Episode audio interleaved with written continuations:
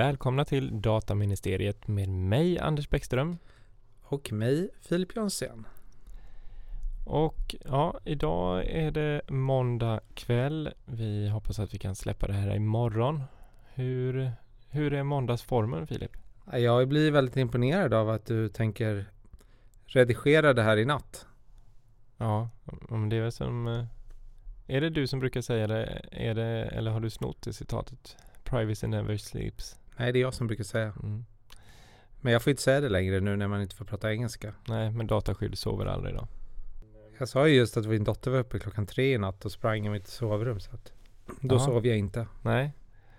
Nej, men eh, det är väl bra. Det är bra att ha lite att göra på nätterna. Ja, jag tror hon, hon gav något medgivande eller samtycke till att jag fick berätta det där. Mm. Antingen det ena eller det andra va? Det är mycket samtyckesblanketter nu på början av terminen. Ja, just ja. Det är ja. förskola, skola, det är foto, skolfotografering, det är lägga ut på något stängt Instagramkonto. Jag vet inte hur många papper det har varit hittills, men det är nog en fem, kanske sex. Mm. Har, har ni samtyckt? Ja, bara skriva under. Mm. Det är ganska tråkigt att inte ha några bilder. Jättetråkigt. Det är Det är. Eller så ligger man där i buskarna själv med sitt teleobjektiv. Ja, det kommer ju bli mer obehagligt kanske. Ja. Orosanmälningar och grejer. ja, men ehm, Boff, känsliga personuppgifter idag va? ja. Det som jag har blivit uppläxad på att, eh, för länge sedan. Att vi återinförde ju. Exakt. Och hur, hur var det med det då? Du hade hittat... Eh, Ja men nu har jag lärt mig. ja. Jo då, men det, det står det ju klart och tydligt i den svenska lagstiftningen att artikel 9 kan, eller bör, eller hur man vill säga det, kallas känsliga personuppgifter i Sverige. Ja. Så det, det kan vi, det, på ett sätt är det bra för vi är vana. Ja. På ett sätt kan det vara dåligt eftersom särskilda kategorier är ju inte en 100% överensstämmelse med det gamla begreppet känsliga personuppgifter i och med att det tillkom vissa Mm. ehm, och sådär. Men jag, jag, jag, Men jag kan- förliks med tanken. Men Ja. då sa jag det här innan vi satte igång här. Att jag upptäckte ju eh, en litet fel i dataskyddsförordningen. Ja. Som inte är rättat i, när de rättade vissa. Nej. Och det är ju skäl nummer 10. Ganska långt ner, eller till och med typ tredje sista raden, näst sista meningen tror jag är. Där man skriver då att, eh, vi ska tjuvläsa faktiskt. Bla bla bla bla bla bla bla bla bla bla bla. Även för behandlingen av särskilda kategorier personuppgifter inom parentes nedan kallade känsliga uppgifter. Och sen gjorde man ju den här klassiska Google-sökningen i dokumentet, Ctrl F eller vad det är, på, på det begreppet känsliga uppgifter och får noll träffar. Eller man Mm. får ju en träff då såklart. Mm. Men så jag tänkte nedan kallade, jag vet inte. Mm. Jag, jag gjorde lite olika så här, bara sökte på känslig eller bara upp, hittade det inte. Men de kanske syftade på nedan kallade i svenska lagstiftningen. Fast Ja. där är det ju känsliga personuppgifter också. Ja. Ja, Nej men det, det där är ju spännande. Det kanske är så att de ehm, faktiskt tog bort något stycke bara och glömde ändra. Men, och det, det, är ju- det är ju ett fel som finns i andra länders översättningar. Jag kollade i den franska. Där finns det. I den tyska. Där kollade jag det finns det. Jag kollade i något språk jag inte kunde och gissade att det fanns. Men däremot i den engelska så finns det Mm. inte.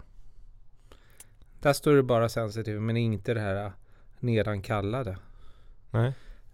Det är intressant. Mm.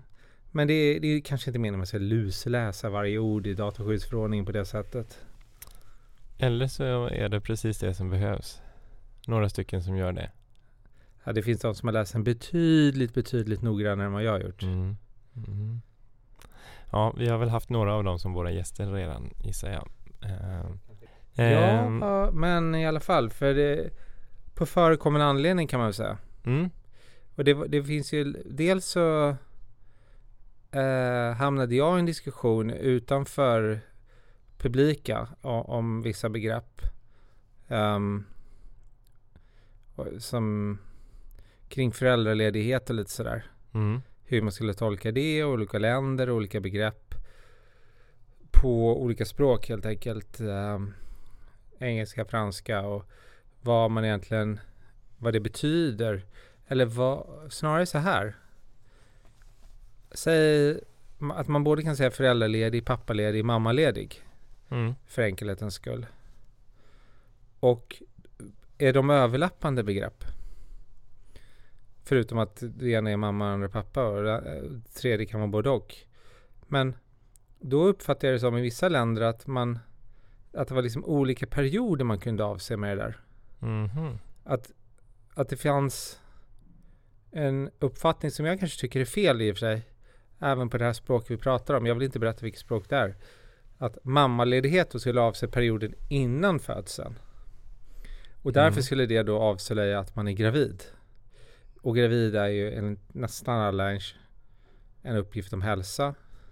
Som i sig kan ifrågasättas men Medan däremot då föräldraledig var perioden efter.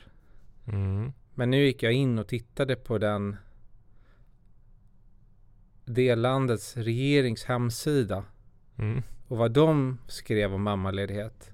Och de avsåg perioden efter födseln plus den här korta tiden som ofta kan vara en, två, kanske upp till en månad före födseln. Mm. Så att jag vill ju hävda att jag hade rätt. Mm.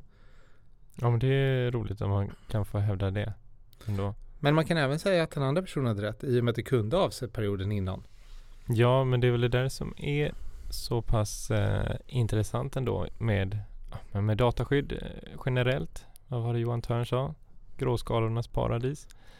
Eh, men Kanske kanske framförallt vad gäller just känsliga personuppgifter eller känsliga uppgifter. Um, där vi också hade en diskussion i en tråd då, eller den tråden spann vidare så att säga i, eh, på LinkedIn. Um, och jag vill passa på att uppmuntra folk att faktiskt delta i de där trådarna för jag tror att vi alla kan lära oss mer av det. Både att utveckla sina egna resonemang men också ta del av andras resonemang. Och Ja, för tillsammans det kommer ju lite- exempel man inte själv har tänkt på. Ja men verkligen och mycket utifrån vilket perspektiv man kommer ifrån. Ehm, sådär. Men, men just det gjorde ju också att det är Ja, det är int- intressant att försöka luska lite mer i just vad känsliga personuppgifter är eller särskilda kategorier av personuppgifter. Vad det är för någonting. Ehm, och eh, ja, man kan väl läsa lagstiftningen rakt upp och ner och det tror jag att de flesta kan göra själva eh, i artikel 9. Men vad har vi? Har, har du någon särskild ingång där som du tycker? Nej men jag kan inte annat än hålla med dig om att det är väldigt kontextuellt till exempel och är väldigt svårt att avgöra om en uppgift är en vanlig personuppgift eller en känslig personuppgift. Ibland är det ju inte alls svårt såklart men det kan vara väldigt svårt och där är vi verkligen den här det finns en ganska vid gråzon eller en vid, vitt utrymme för tolkning av en speciell typ av personuppgifter såsom eh, position, alltså geografisk position, fotografier, kanske även beskrivningar av människor där som inte alls är lika enkelt. Mm. Nej men eh, verkligen. Och du var ju Mm. lite inne på, ja, det kommer jag inte exakt ihåg, men också kring det här om att ta just hälsa. Mm. Där, som jag kanske tycker är allra svårast, till exempel um, ena utkanten kanske, ja, Anders lever. Är det en uppgift om hälsa? Att, att, att du lever i sig? Mm. Att du har hälsan? Men det vet man ju inte. Jag kan, ju, le- jag kan ju leva och vara riktigt eh, illa däran. Förvisso.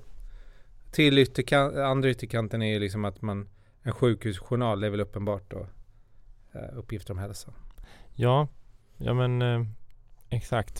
För, För det är väl så att även en uppgift om att man har hälsan är en uppgift om hälsa. Det vill säga om man, om, om man gör massa tester och så säger läkaren så här, allt ser bra ut. ja, det borde väl kunna vara. Eh, jag Eller om man säger så här, du är samtidigt- inte halt. Nej, precis. Men samtidigt då om man då tar den, em, alltså det perspektivet att eh, det är mm, de här rättigheterna och det och friheterna och allt vad det är och det som Monica var här och pratade om också. Eh, att det är det liksom som det är det man ska skydda på något sätt. Då att på sätt och vis om man tolkar det ur det perspektivet så borde man ju kunna tänka att en uppgift om att någon är helt frisk kan liksom inte leda till att den personen Ja, men det finns ju föreningar för allt möjligt. Jo, jo men Man kanske vill lura sig in. Man kanske har hävdat att man har någon åkomma. ja. Det är fult gjort i och för sig, men Ja, du, du tänker att det är någon som vill gå med i eh, Ja jag, jag ska inte försöka folk ge har ju mig till på och med s- namnen Folk har kanske. ju glasögon utan styrka. Mm, nu det är sant För syns skull Men eh, ja, Ähä. nej men ja, Det är ju väldigt, väldigt knepigt jag, För jag kan ju tycka själv sådär ur mitt perspektiv att Om jag jämför med ehm, Ehm, med eh, mig själv då, att jag har glasögon, att det, om det skulle stå någonstans en uppgift som att jag har glasögon ehm, så skulle jag kanske inte jag tänker ju inte själv på det som att det är någonting känsligt om mig. För det är så extremt tydligt. Men däremot om det är så att jag har en sjukdom då skulle jag hellre liksom se till att ingen kanske vet om det. Det vill jag ju i så fall kunna avslöja själv. Medan glasögonen, det blir väldigt tydligt. Jag, kom, jag tar mig ju knappt någonstans utan att ha dem på mig. Ehm, så ur mitt eget liksom, ehm, subjektiva perspektiv så tycker jag själv inte att det är någonting känsligt om mig. Men sen kanske det är så att det kan användas till någonting Oh ja. som jag inte på förhand riktigt kan eh, föreställa mig och då kanske det blir då kanske det kan kännas lite mer obehagligt när, när jag väl då får veta att ja, bolag X använder uppgiften om att jag har glasögon till någonting obehagligt. Tar Jag menar, jag nära. menar försäkringsområdet är ju väldigt intressant. Det gäller allting med hälsa. Faktiskt även till och med sådana enkla grejer. Eller vad man ska kalla det. Jag har ju också glasögon. Ehm, så är det ju. Jag skaffade precis, eller jag förnyade precis en försäkring för att fylla i en massa, massa uppgifter ju såklart. För att de vill ju inte försäkra det som man redan har när, Mm. när man tar försäkringen. Mm. Så då fick jag ju uppge ehm, En ja. hälsodeklaration. Ja, en hälsodeklaration. Då fick jag säga att jag har glasögon. Jag fick säga att jag äter sån här ångestmedicin. Jag fick ju säga att jag eh, hade legat inne på sjukhus 1995 för att operera här, vad heter det, ljumskbråck. Ja. Det var ändå aktuellt fortfarande. ja, men, Nej. eh, de sa ju att man skulle fylla i allt. Ja, ja du gjorde, ja, okej du tänkte så ja. Mm. Jag tänkte om det var specifikt att de bad om sjukhushistorik från, ja, vad blir det? Det fanns ingen årsgräns faktiskt. Okej, jag fyllde inte i det där faktiskt Nej. från 95. Nej, nej, nej. Men jag fyllde i de andra grejerna. Jag fyllde i min medicin. Jag fyllde i alla möjliga grejer. Jag fyllde i när jag senast var till läkaren. Och, och det var ju förra året. Men då var jag där på grund av sorg. Mm, Så att det kände jag, det kan jag fylla i. mm, Och så vidare och så vidare. Men eh, man är ju lite så här, eller jag är ju sån, jag vill inte ljuga. Jag vill, man vill ju vara så sanningsenlig som möjligt. Men samtidigt så här, gå tillbaka till bara, ah, jag kommer ihåg när jag är nio när jag trillade på, jag spelade brännboll, då var jag till sjukhus. Alltså det Mm. blir lite så här skrubbsår. mm. Det blir lite absurt. Ja men nej, man får väl dra gränsen någonstans. Men eh, det, För det hände också, det var på riktigt, alltså jag gjorde det. mm, mm, Men nu ska vi återgå till ämnet. I och för sig, det är ämnet. Artikel 9, känsliga personuppgifter. Skador ingår ju. mm. Nej, för jag tittade i den här uh, enforcement tracker såklart. Det är det man gör om dagarna när man inte jobbar. Och det är ju inte sådär jättemånga beslut som rör känsliga personuppgifter. I princip uteslutande rör de olika former av så inpassering, ta betalt för mat. Mm, Det är ju faktiskt en... Jag kommer ihåg för länge sedan. Långt före dataskyddsförordningen så var det någon skola som tog fingeravtryck i matsalen. Ja, just det, för att folk inte skulle tjuväta va? Ett sånt fall bland annat finns återigen nu. Mm. Inte från Sverige men ett annat land. Och sen, eh, vad var det mer? Det var, ja, det var mycket fingeravtryck och det var mycket ansiktsigenkänning. Då jag förstår att ofta så faller det på att man skulle kunna använt en mindre integritetskränkande Mm. åtgärd. Att det är Mm. det det faller på och att de då inte haft någon valmöjlighet till Mm. att välja bort det. Hur, ja, hade du läst in mer på det? Nej, Alltså det, med- det var väl eh, några fall från, såklart har vi ju Skellefteå, Mm. men jag läste, det var nog från Cypern ett par fall, jag tror det var Polen, Nederländerna, Rumänien, men det, det, det var liksom hela tiden eh, Ja, det var ett lite allvarligare och det var ju det här från Italien när de råkade publicera, om jag förstod det rätt, uppgifter på något sätt på deras en, eh, universitet eller någon skolas hemsida om, om det var väl inte så bra. Men de Mm. övriga var mera, ja men inte bra. Det var, stred ju såklart mot lagen precis som Skellefteå. Mm. Men det kanske inte det var väl inga superallvarliga för konsekvenser för de enskilda. Nej. Det var mer där proportionalitet och Mm. Ja, men jag, jag tänkte mer på om de eh, tog upp just samtyckesbiten mer. För det gjorde ju Datainspektionen ganska mycket mot Skellefteå kommun. Eller gymnasienämnden i Skellefteå. Ja, men till exempel där i Nederländerna om jag förstår rätt då, så de, där hade man inget val. Och det var, de var ju anställda. Mm. Så det gick ju inte såklart. Ja, det är ju svårt att komma undan då. Ja, samtycke i anställningsförhållanden är ju Mm. lite lurigt. Mm. Verkligen. Ehm, men annars var det nog Ja, lite sådana där det, det, där, det snurrar om det och så har de fått inte jättehöga sanktionsavgifter. Nej. Vad tror du om datatillsynet i Danmark då? Kommer de få sanktionsavgifter? Ja, vad var det de hade själva. gjort? De hade De hade strimlat massa dokument som då skulle Ja, det skulle hanteras på ett sätt men de hade bara lagt det i vanliga återvinningen i stort sett. Men det, visst var det en leverantör som hade gjort fel? Det var inte de själva eller? Ja, Eller var det de jag, själva? jag, ska, jag ska säga att jag har inte läst så noga om det. Jag såg rubrikerna och eh, så framförallt och sen så läste jag att de skulle uppdatera sina ja, riktlinjer och hur de skulle göra och sen att det hade hänt i samband med flytten till nya lokaler och lite Ja. sådär. Nej men jag tycker ändå att det visar ju på hur svårt det är att en to en, eller från ax till limpa i alla led ha järnkoll överallt hela tiden. Att misstag kommer ske eh, överallt. Mm.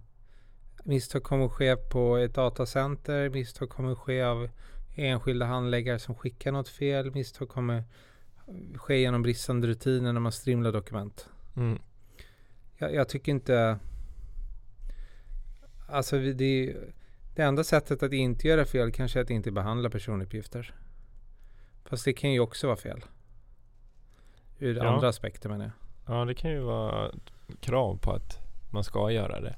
Kommer du ihåg det där JO-fallet? För jag kommer inte ihåg vad det handlade om riktigt. Eller var det JK? Eller var det JO? När de sa att att inte behandla personuppgifter. Det, det omnämndes i PUL-kommentaren kommer jag ihåg. Jag säger att du har den Mm. nya dataskyddsförordningens kommentarer. Så det, jag menar, men han refererade ett fall där, där de säger att att inte behandla personuppgifter, alltså att välja att inte behandla personuppgifter, det är inte att behandla personuppgifter. Mm. Jag tycker det är klockrent. Ja, men Det är den, bara jurister, bara en domstol eller något liknande som kan säga en sån sak. Nej men eh, det, Back- jurister är ett särskilt släkte. Men, Tillbaka till ämnet, vi får så mycket Mm. kritik för och det är väl antagligen jag som får den. För att, jag, för att vi spårar ur, men det var ju mer förut. En sak som jag vill påpeka med känsliga personuppgifter eller särskilda kategorier, det, det är faktiskt jätteviktigt. Det är ju hur artikel 9 och artikel 6 hänger ihop. mm, Man får ju aldrig glömma det, att man måste ju förbi sexan först. mm, den rättsliga grunden. Du måste ju ha någonting hänga upp det på i sex. Sen hänger det ut ytterligare lager för vissa typer av uppgifter mm, i nian. Och där kan jag verkligen rekommendera då den brittiska dataskyddsmyndigheten har skrivit eh, ganska intressant om det där. Vilka kombinationer som är möjliga och vilka som är typ bra och vilka som kanske inte är lämpliga. Mm. Alltså jag menar i vilka eh, rättsliga grunder i artikel 6 och vilken grund i artikel 9 man kan liksom para ihop. Mm. Superintressant. Mm. Vad, men vad har eh, då ICO eller brittiska dataskyddsmyndigheten för, har de något exempel du kan dra? Ja men samtycke, samtycke. Ja, det verkar ju uppenbart kanske nästan. Ja. Ehm, sen hade de väl också, vad heter det här? Uh, I allmänhetens intresse eller vad heter det? Mm. Och, och finns väl i båda. Mm. Ehm, men även till exempel eftersom intresseavvägning då inte finns. Så menar ju de att här, behandlingen i stort kan ju inbegripa massa typer av uppgifter. Mm. Och då kan ju den behandling som sådan vara efter en intresseavvägning. Mm. Medan om det är känsliga personer för den specifikt behöver man ju då någon ytterligare kanske samtycke. Mm. Ingenting om eh, rättslig förpliktelse. Um, den är eller menar du, ja. Menar du den som inte finns i artikel 6? Nej. Jag menar artikel 6 har ju en om rättslig förpliktelse. Ja, just det. Rätt, rättslig för, förpliktelse. Men det, den, den borde man väl kunna ha. Ja, vi, jag får återkomma. Men en intressant aspekt, så, ja, det är alltid så intressant för mig, men inte för lyssnarna kanske. Men det, det tycker jag är den här, just det, det är väl F då, då i artikel 9. Behandlingen är nödvändig för att fastställa, göra gällande eller försvara rättsliga anspråk eller som en del av domstolarnas dömande verksamhet. Mm. Och, och, om man tar bort då domstolarna såklart. Men eh, i övrigt då så om man, om man är eh, part i ett mål så tolkar jag det som att man då får behandla känsliga personuppgifter om det behövs. Och eh, den är ju inte med i artikel 6. Nej. Som jag uppfattade i artikel 9 så är det ganska många saker som liksom kommer upp Alltså som möjlig, möjliggör för arbetsgivare egentligen att beha, behandla känsliga uppgifter om sina anställda för att fullgöra massa skyldigheter som man kan tänkas ha som arbetsgivare. Ja, det är hur mycket som helst. Ja, det är ganska mycket fokus just på det. Har jag upp, uppfattat det som i alla fall. Sen om jag inte minns helt fel så i förarbetena till den svenska lagstiftningen att man ändå fick försöka tweaka lite på de där nästan. För att få in typ de här grejerna som är enligt journalföring och sådana saker. Men jag ska kanske låta det vara osagt när jag inte mer. Får klippa det där. Vi får inte vara så osäkra. Nej, Alla, alla andra är jättesäkra. Det Nej men det är väl det som är själva tanken med att man pratar om saker och ting. Aha. Eller? Annars så har man ju någon typ av seminarium och så här föreläsningar för folk. Det är sant. Men eh, jag, jag, får jag ta upp den här grejen med glasögon? Ja, gör det. För att när jag tjuvläste lite i förväg här då så, så överlag så tycker jag det är väldigt intressant med personuppgiftsbehandling för utveckling och test och sånt. Mm. Um, I och med att det finns ganska gamla um, avgöranden från Datainspektionen i, i enskilda ärenden, alltså beslut. Mm. Där de ju under ganska s- så restriktiva ramar så kan man få använda sin verksamhetsdata, i alla fall tidigare då, för test. I och med att eh, det är vitalt att när man väl driftsätter något i skarp miljö, att det faktiskt funkar. Mm. Att det kan, om man inte skulle få göra det skulle integritetsriskerna så att säga öka. Ja. Och, och eh, det där har ju regeringen eller lagstiftaren då uppmärksammat i bland annat, ja, i flera fall, men det jag läste på var ju om testverksamhet inom ramen då för eh, utlänningslagstiftningen och i- allt vad det innebär, identifiera personer och så vidare och så vidare och så vidare. Mm. Och, och, och där var det ju tidigare då um, ett förbud att behandla känsliga personuppgifter i testverksamheten och sen finns det en speciell nu uh, lag för det, det som tillåter det i, i viss omfattning i alla fall. Och då, som jag förstår det, när man exemplifierar va, typer av uppgifter så då, som skulle kunna vara känsliga personuppgifter, man säger det inte rakt ut, men i och med att hela mm, betänkandet eh, och proppen handlar om det. Så skriver man ju så här, uppgifterna som används vid test och validering behöver återspegla verkliga förhållanden, till exempel avseende glasögon, smink, frisyrer och huvudbonader. Mm. Och då kommer man ju osökt in på den här diskussionen huruvida bilder eller fotografier på människor är känsliga personuppgifter för att de avslöjar Ja, det kan ju vara då hälsa om man har glasögon och huvudbonad teoretiskt kan väl vara kanske religion. Mm. Uh, smink. Det, jag är inte tillräckligt insatt men det, det, är mycket möjligt att det finns speciella smink för någon uh, det, ja, men, någonting. Jag tänker så här ursprungsbefolkningar och ja, sånt möjligt möjligen. kanske. Och, och de- frisyrer tror jag är helt säker på att det finns både Hare Krishna och även andra. Ja, men eh, smink kan ju beroende på hur framskridande man är kanske ses som någon typ av sexuell läggning grej. Ja, det kan vara, absolut, men det är det jag tänker, det kan vara Jag är helt enkelt inte tillräckligt insatt i sminkning. Inte men- jag heller. Då blir det ju den här frågan som vi pratade om det förut ju, som har med geografisk också position att göra och fotografier. Det här med till exempel om man går förbi eller in i en kyrka. Mm. Jag vet inte varför man alltid brukar säga moské, men det kan ju lika gärna vara en kyrka. Eller något annat, eller för den delen ett, något så här uh, filosofisk övertygelse, något forum, någon förening eller någonting. Det behöver inte vara religion. Eller och den, den klassiska exemplet som kanske inte har så mycket med bilder att göra, men även med bilder.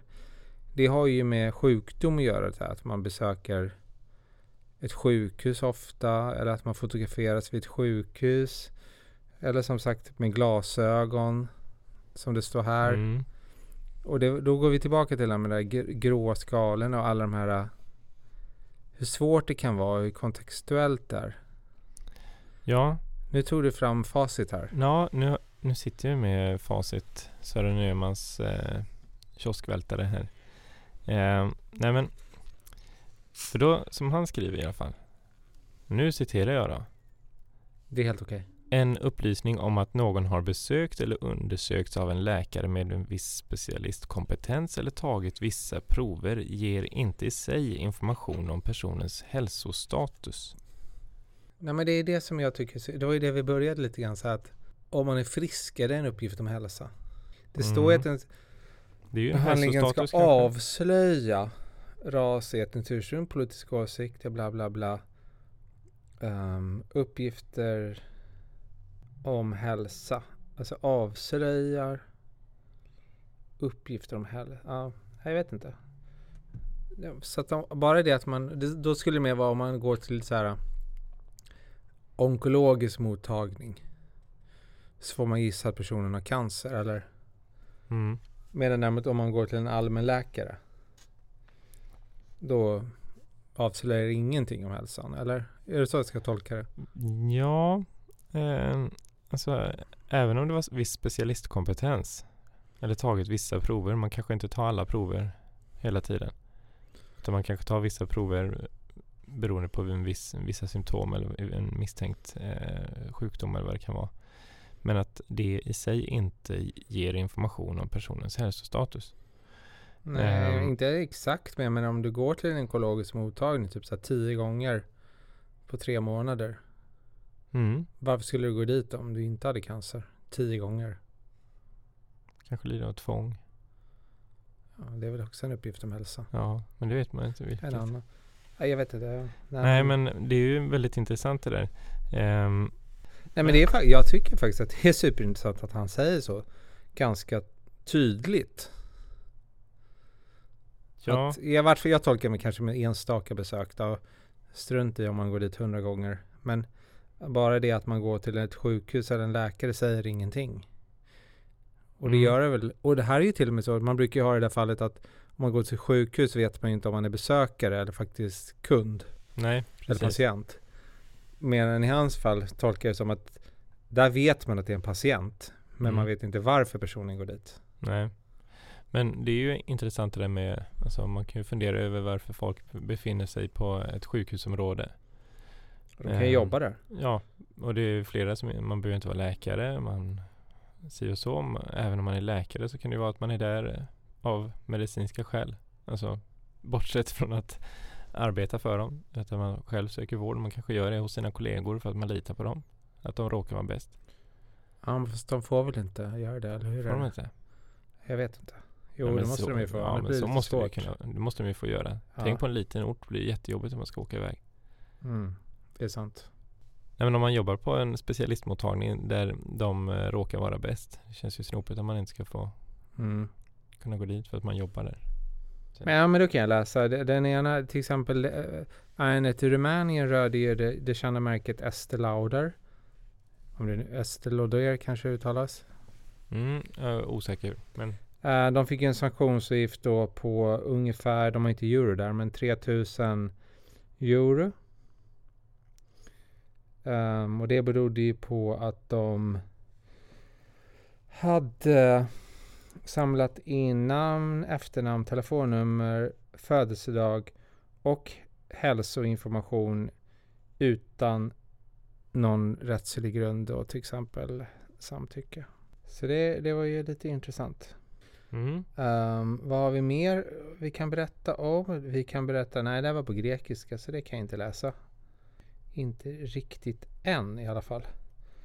Jo, jag bara en passus medan du läser tänkte jag bara säga att äntligen så kommer Brasilien få sin dataskyddsmyndighet.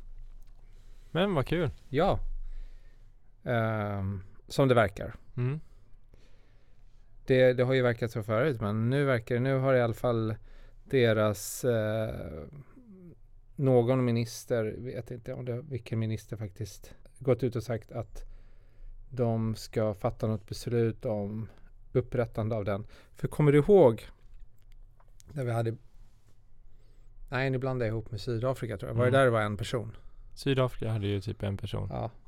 Men här har de inte haft någon ändå. Så ja, det var bara en liten passus. Jag kan gå in och jag, jag hade ju faktiskt den här uh, Hongkongs dataskyddsmyndighet uppe också. Så jag läser på Mm. lite om dem. Det är intressant. Hongkong är väldigt intressant. Eftersom det har Ja, det förändras ju lite grann där. Vad dess status i förhållande till Kina. Och för övrigt är det ju väldigt intressant vad som kommer hända i USA. Vi har ju val snart. Ja, nej, är hur går det med boken? Nej, men det, alltså, jag tycker att det är ändå lite tvetydigt det där. Eh, samtidigt så säger man att eh, personuppgifter om hälsa bör innefatta alla de uppgifter som hänför sig till en registrerad persons hälsotillstånd som ger information om den registrerades tidigare, nuvarande eller framtida fysiska eller psykiska hälsotillstånd. Eh, och att detta inbegriper uppgifter om den fysiska personen som insamlats i samband med registrering för eller tillhandahållande av hälso och sjukvårdstjänster till Jo, den men det- fysiska personen. Där tänker jag, det är liksom innehållet i journalen, själva innehållet i uppgifterna kring din hälsa. Medan han, när han säger att sånt som att man har gått till en läkare, det är liksom inte själva uppgifter om vad man kom fram till under besöket. Nej, nej okej. Mm. Så att bara det där, ja, Anders gick till en läkare. Okej, det säger egentligen ingenting om din hälsa mer. Det säger bara någonting om du var till en läkare. Mm. Sen är det anamnesen här som ställer till det då. Ja, men den vet man ju inte då. Nej, jag lämnar väl den där. Ja, men det var det jag menade. Alltså, det bara det fakta att Ja. du var till läkaren. Men när han nedtecknar så, Ja, nej, eller din berättelse. det är ju ganska så intressant. Men det, här, det är ju det här som är så svårt. Det är ju det här vi pratar om, de gråa zonerna. Och det är ju samma sak egentligen. För jag, jag, jag kommer ihåg när jag var i Istanbul senast så var jag vid, i moskén som Mm. på besök. Men jag är ju inte muslim. Nej. Nej, men det kanske är... Ja, om man nu tänker då att som i den diskussionen vi hade på, eh, eh, ja, på vår eh, LinkedIn-sida så där verkar det ju handla om hur pass mycket data man kan koppla ihop. Eh, och att det på något sätt också avgör känsligheten i vissa eh, andra typer av data. Men där var det ja förlåt. Nej men och då tänker jag att alltså, om du tittar på när en kyrka eller en moské eller vad det än är för någonting, vilket samfund det än är, när de typiskt sett har sina ceremonier eller vad det är, gudstjänst eller liknande. Då kanske man ser att ja, men det här är antagligen Alltså, de här personerna som befinner sig på den platsen just då är antagligen troende. Mm. Medan om ja, när du var och tittade på moskéer där så kanske du inte var där på själva Nej, jag tror inte man får gå dit under själva ceremonierna eller gudstjänster och så vidare. Jag vet inte men jag, jag tappar, jo, jo, jo. Um, det här att kombinera flera datakällor till exempel då som kom upp i den här tidigare diskussionen som, som ministeriet hade med en person som då mycket eh, helt rätt eh, drog paralleller till, eller rätt och rätt men eh, Netflix som, som alla kommer ihåg hur Mm. Netflix släppte så kallad anonym data för att de ville utveckla sina algoritmer och sen kunde man samköra den på, kan man förenklat säga tillsammans med IMDB mm, som är världens största sån här uh, rating. mm. Ja. Internet Movie Database. eller? Ja. Och där kom man ju då fram till att en hel, också väldigt enkelt, att man kunde ha samma användarnamn. Eller så Mm. alias Mm, och lite sånt där. Och så kunde man på något sätt då lura ut vilka personer det var på något sätt. I alla fall i vissa fall. En stor skillnad, och det här är faktiskt, det finns ju ett annat fall som rör IP-adresser. Om du kommer ihåg det, huruvida frågan om IP-adresser är personuppgifter eller inte.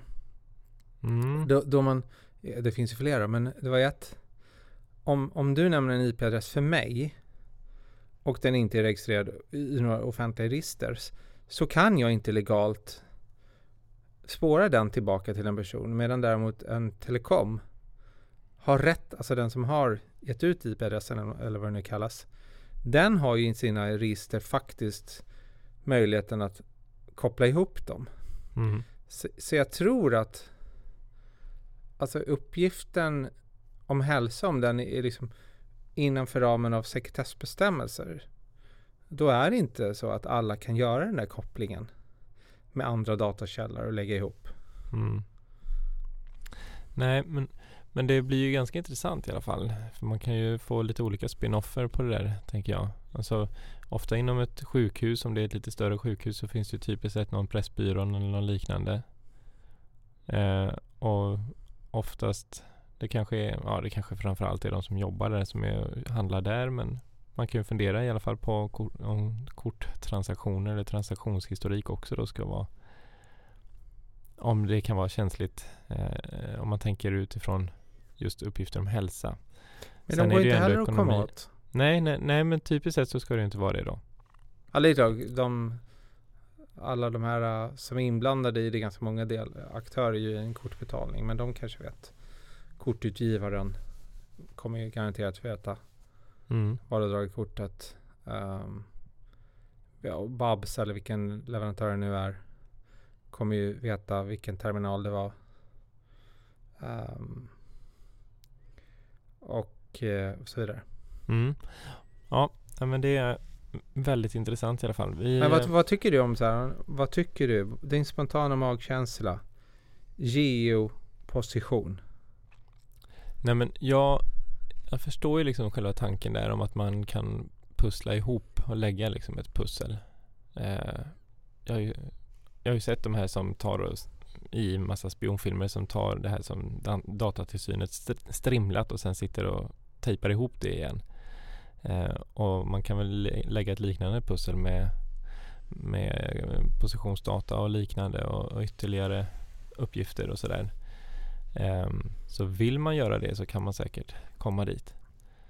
Men på sätt och vis så kan jag ändå tycka sådär att ja fast lite grann som med foton och sånt att det inte nödvändigtvis är känsliga uppgifter i sig.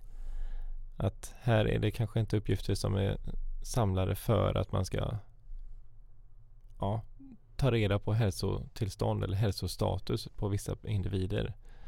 Ehm, även om man antagligen behöver ha väldigt hög säkerhet runt det ändå. Ehm, men det är ju för att jag, ja men positionsdata kan jag tycka är ganska känsligt eftersom det faktiskt spårar folk på ett sätt som mycket annat kanske inte gör. Ehm, men eh, men jag, jag tycker kanske att eh, ja, min, min personliga uppfattning är ändå att det är lite långt. Ehm, men jag förstår samtidigt perspektivet och resonemanget runt. Um, men ja, det är, det är lite, lite längsta laget kan jag tycka. Har du någon uppfattning? Nej, alltså jag håller med om att positionsdata kan vara bland det mest känsliga som finns. Mm. Helt klart. Och det tror jag nästan alla håller med om för att det där att man inte, det handlar ju återigen om, så här, ja, vi har pratat förut om hemligheter och jag tycker att hemligheter är något av det som definierar människan. Att, att man har hemligheter. Nu berättar jag ju allt om mig själv men jag kanske har några hemligheter ändå. Um, och att då vara under ständiga övervakning, jag menar, och det är ju också, det vet man ju för att jag menar skuggning och buggning och allt sånt där. Mm. Ja, och då skuggning är väl geoposition. Det, det, det krävs ju liksom det är ett rigoröst regelverk kring sånt. Och masstömningar och, och, så vidare. Så det är ju väldigt känsligt och vi är ju otroligt övervakade idag på det sättet. Eller övervakade är ju fel ord. Uh, följda. Mm. Alltså, så, du har ju din mobil på dig och det finns ju så många master nu.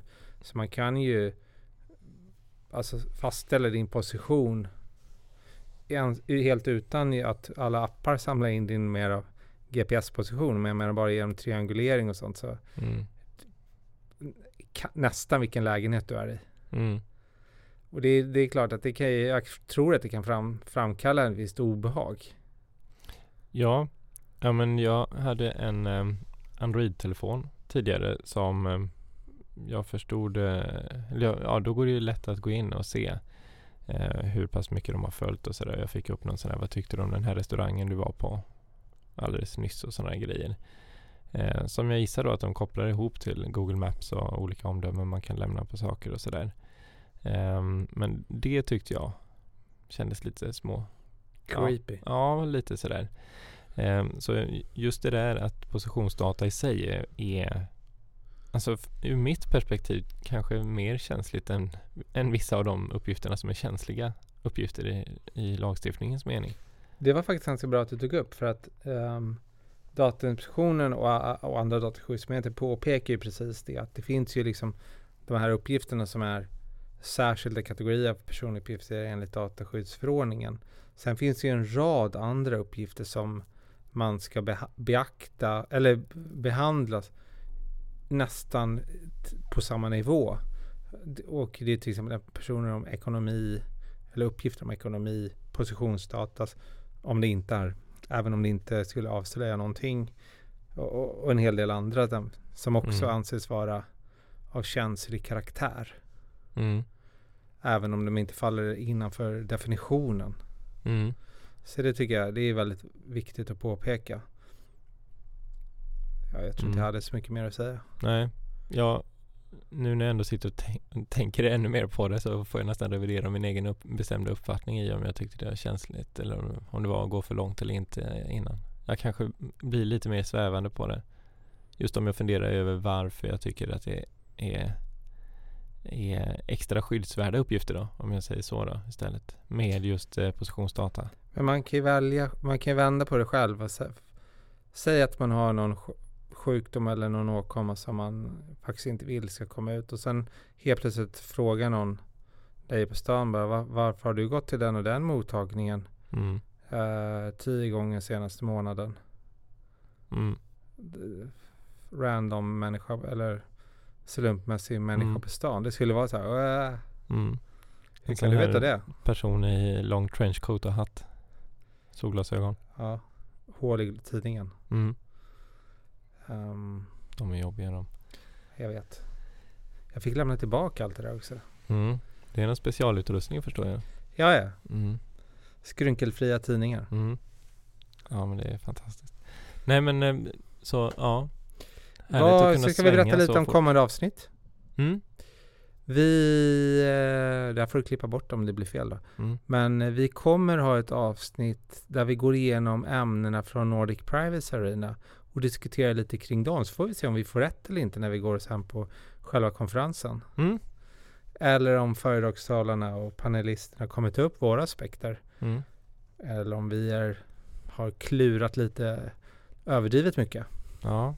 ja, men det blir spännande att se. Det kommer inte bli nästa avsnitt troligtvis. Um, eftersom vi har ju lite problem här med corona och studion. Den är ganska liten. Ja, Vad har vi mer i pipen? Jo, vi har ju... Ja, ingen aning. nej men just nu har vi ju inte så mycket i pipen på det viset. Nej. Men samtidigt så händer det så mycket ja, så det finns nästan alltid någonting att prata om. det finns alltid någonting att prata om. Det är det som är så kul med dataskydd. Men det, det är faktiskt intressant ju att jag, jag upplever som att under hösten hittills så har det varit lite, lite lugnare. Alltså att Dataskyddsmyndigheterna tar det lite lugnt. Det är inte så här... De drämmer inte i med de värsta grejerna just nu. Det Nej, men jag tänker att alltså, om man tänker ur ett svenskt myndighetsperspektiv och även på kontor så brukar det, alltså privat, eh, så brukar det ändå rensas lite skrivbord innan sommaren och sen kommer hösten och så är det kanske inte fram förrän ja, oktober. Men ganska Men, många fall om man tittar på de som har varit till exempel eh, British Airways och lite andra, liksom lite mer större case, så har de ju alltid möten. Mm. Och det, jag tänker att det kanske är svårare. Jag vet, det här är bara rena killgissningar, så jag bara spekulerar. Men hur är det att coronasäkra sådana här möten och sånt? Mm. Ja, det är väl lite vanskligt kanske om man själva dömer ut många av de tjänster som finns. Ja, det, det måste vara det. Det här eh, covid-appar, det är lite dött va? Jag har inte hört så mycket mer om det sen. Ehm, faktiskt. Det sista var väl att det inte flög så bra ändå i Norge med de där. Nej, inte, den, den var ju inte med, men det fanns ju hur många som helst. Ja. Um, som, ja, jag, jag var ju skeptisk från början. Jag förstod inte hur en app skulle kunna lösa det här, men vem är jag? Nej, nej men nej. Det, ibland eh, kan det vara, alltså, jag kan väl fundera över sånt själv i alla fall. Att jag kan, det kanske handlar om att jag inte förstår tillräckligt mycket. Nej, men jag tänkte att det, det, Men, eh, det påminner om så här flockimmunitet. Man måste liksom upp till en jättehög nivå för att appen ska funka. Mm, För om bara några få har den, mm, då blir den värdelös. mm. De, hur var det där då i Polen då? Där hade de ju något med selfies och sådana grejer man skulle ta väldigt Ja. ofta under deras karantän. Det, nu har Grej. vi covid-appar. Ett avsnitt. Mm. Ja, vi får se. Covid-appar, eh, uppföljningen. Någonting. Tråkigt. Ja, men ja, det är väl lite det. Det är att det är en ganska tråkig grej. Alltså, jag, jag är som du, jag tror inte på de där. Men vad tror du Filip? Ska vi avsluta för idag? Ja, du får klippa. Ja, jag klipper. Men tack alla ni som lyssnat för att ni lyssnade. Ha det så gott. Godnatt.